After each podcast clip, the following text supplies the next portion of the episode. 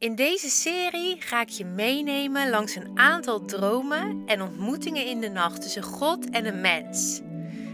We gaan dieper kijken naar het verhaal, de droom op zich, de betekenis en wat dat ons leert voor vandaag.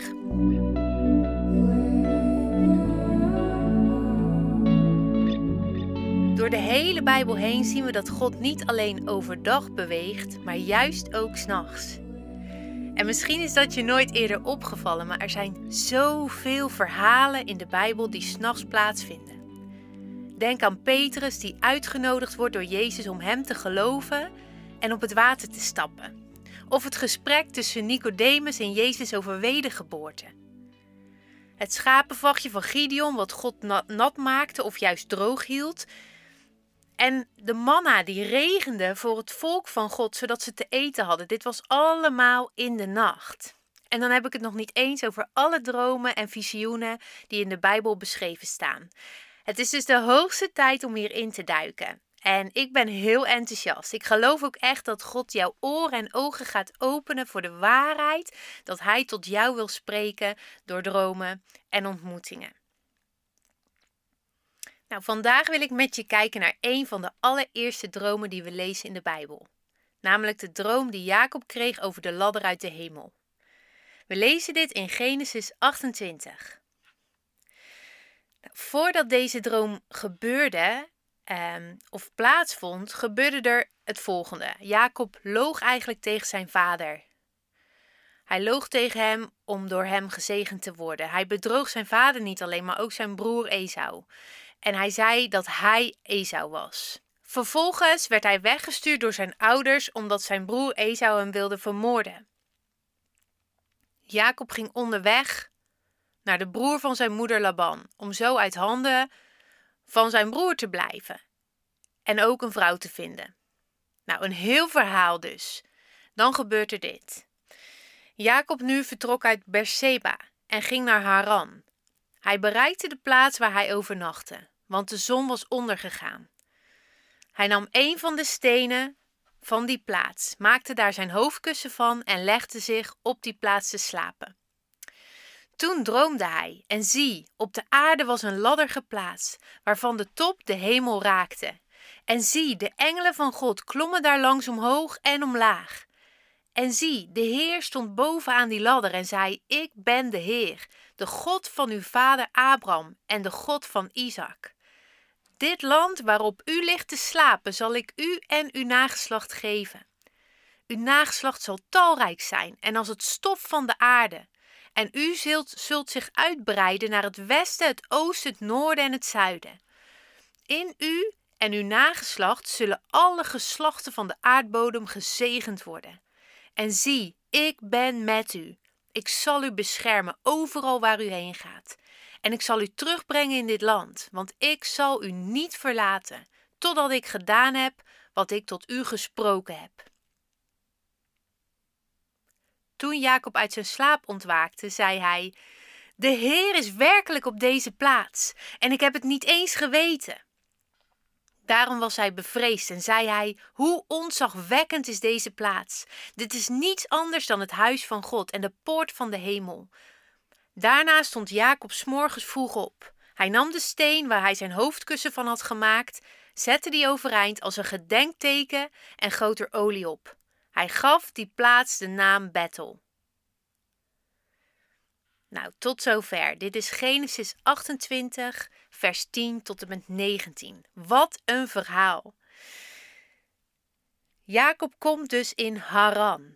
Interessant is de betekenis van deze plaats. Het betekent verdroogd, verschroeid, verdord. En deze betekenis is eigenlijk best wel negatief, maar het geeft waarschijnlijk wel weer hoe Jacob zich voelde op dat moment. Droog en door. Hoewel hij gezegend was door zijn vader, had hij zijn vader bedrogen en tegen hem gelogen en wilde, hij zijn, wilde zijn broer hem vermoorden. Jacob was nu onderweg naar een onbekende plek. Hij was gehaat door zijn broer. Hij twijfelde over de zegen die hij onverdiend had gekregen. Hij was vol schuld en schaamte over zijn daden en was helemaal alleen. Ik kan me zo voorstellen dat hij zich echt door en droog voelde. De andere betekenis van Haran is weg. Iets wat niet per se negatief is. Er is een weg en Jacob is onderweg naar betere tijden. Een vrouw en misschien wel een nieuwe familie, een thuis. En hij droeg de zegen van zijn vader als een belofte in zijn hart, niet wetend hoe het allemaal uit zou pakken. Maar deze weg zal uiteindelijk leiden naar die belofte. Jacob pakt een steen als hoofdkussen en gaat slapen. Geen dak boven zijn hoofd, geen familie om hem heen, geen bed, een hart vol schuld. Eigenlijk een heel triest beeld. En toen droomde hij. Hij ziet een ladder naar de hemel, een open verbinding tussen hemel en aarde, waar langs engelen omhoog en omlaag gaan. Hoe wonderlijk! En in de droom begint God zelf te spreken en hij geeft hem een enorme belofte. God zelf zegent hem. Jacob zag zijn leugens en bedrog, maar God zag zijn hart, wat zo verlangde naar een zegen van God, een toekomst, een belofte. Dat is de genade van God. Nou, dan wordt Jacob wakker uit de droom, midden in de natuur, langs een weg, alleen, met zijn hoofd op een steen. En het eerste wat hij zegt is: De Heer is werkelijk hier. Hij is aan deze plaats en ik heb het niet eens geweten. Ik vind dat zo mooi. Door de droom ziet hij niet alleen in dat God die nacht bij hem was, maar meer nog dat God bij hem is altijd. Dat heeft God zelf gezegd in de droom. Ik ben bij je. Ik zal je nooit verlaten. God is niet alleen met zijn vader of zijn broer, die eigenlijk de zegen moest krijgen, maar God is met hem. God ziet hem en is bij hem dag en nacht. Dit is een poort van de hemel, zegt hij. De hemel is hier open en de weg naar God is vrij. Daarom noemde Jacob die plaats Bethel, huis van God betekent dat. Jacob was ver weg van huis, helemaal alleen. Maar door deze ene nacht zag hij dat hij in de aanwezigheid van God thuis is. Hij pakt de steen, die net nog zijn hoofdkussen was, giet er olie overheen en zet het neer als een gedenkteken van wat God allemaal voor hem heeft gedaan. Wat een bijzondere ontmoeting. Nou, hoe vaak denken wij wel niet: waar is God? Is Hij echt bij mij? Ik weet het wel, maar ik voel het gewoon niet. En dan gebeurt er iets. God spreekt, of er gebeurt een wonder, of je ontvangt zijn troost, zijn voorziening. En op die momenten wordt het zo reëel dat God echt bij je is. Toch zouden we niet verbaasd zijn moeten zijn hierover. Deze droom vindt plaats in het Oude Testament. Jacob heeft deze nachtelijke ontmoeting onder het oude verbond, dus voor het offer van Jezus. Jij en ik leven onder het nieuwe verbond. En na het offer van Jezus leven we dus niet langer onder de wet, maar onder de genade. En dat verandert alles. Jezus opende de weg naar de Vader en de Bijbel zegt dat niemand tot God kan komen dan door Hem. Johannes 14. Wanneer wij geloven in Jezus, is de weg naar de hemel open en mogen wij vrijmoedig komen bij de troon van genade.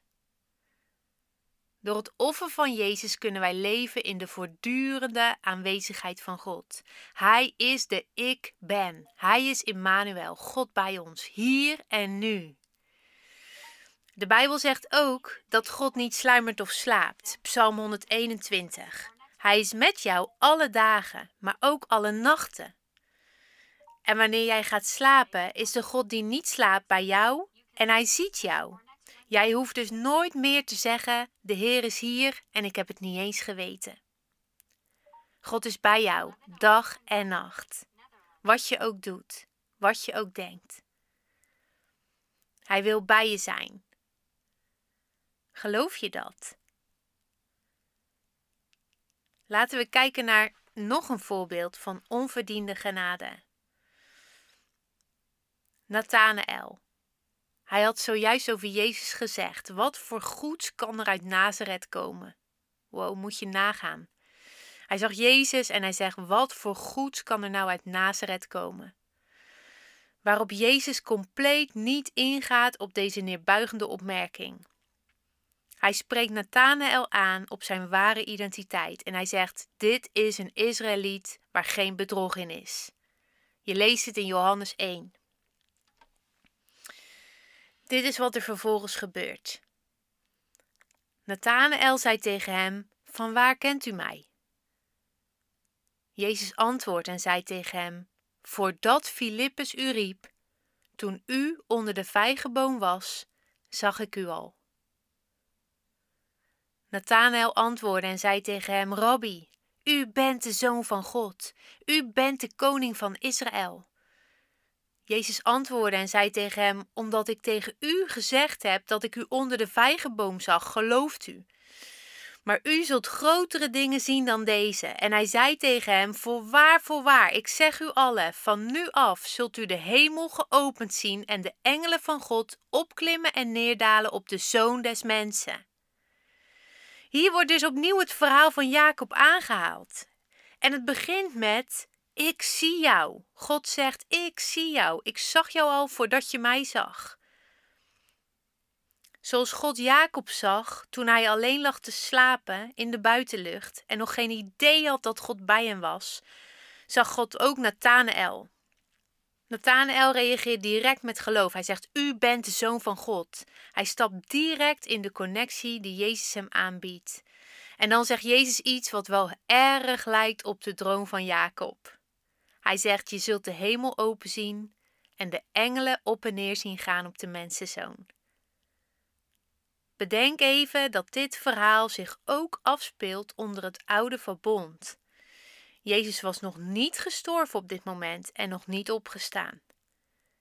In deze ontmoeting met Nathanael laat Jezus zien dat hij zelf de hemel zou openen tussen mens en God. Hij zal de Jacobsladder zijn, de open hemelverbinding. En Jezus is niet alleen de weg, Johannes 14, hij is ook de deur. Johannes 10. Tussen mens en God, tussen hemel en aarde. Jezus is de Jacobsladder voor ons. En meer nog, door het offer van Jezus worden wij zelf een verbinding tussen hemel en aarde. Door de Heilige Geest die in ons woont. We mogen voortdurend in verbinding zijn met God in ons. God met ons.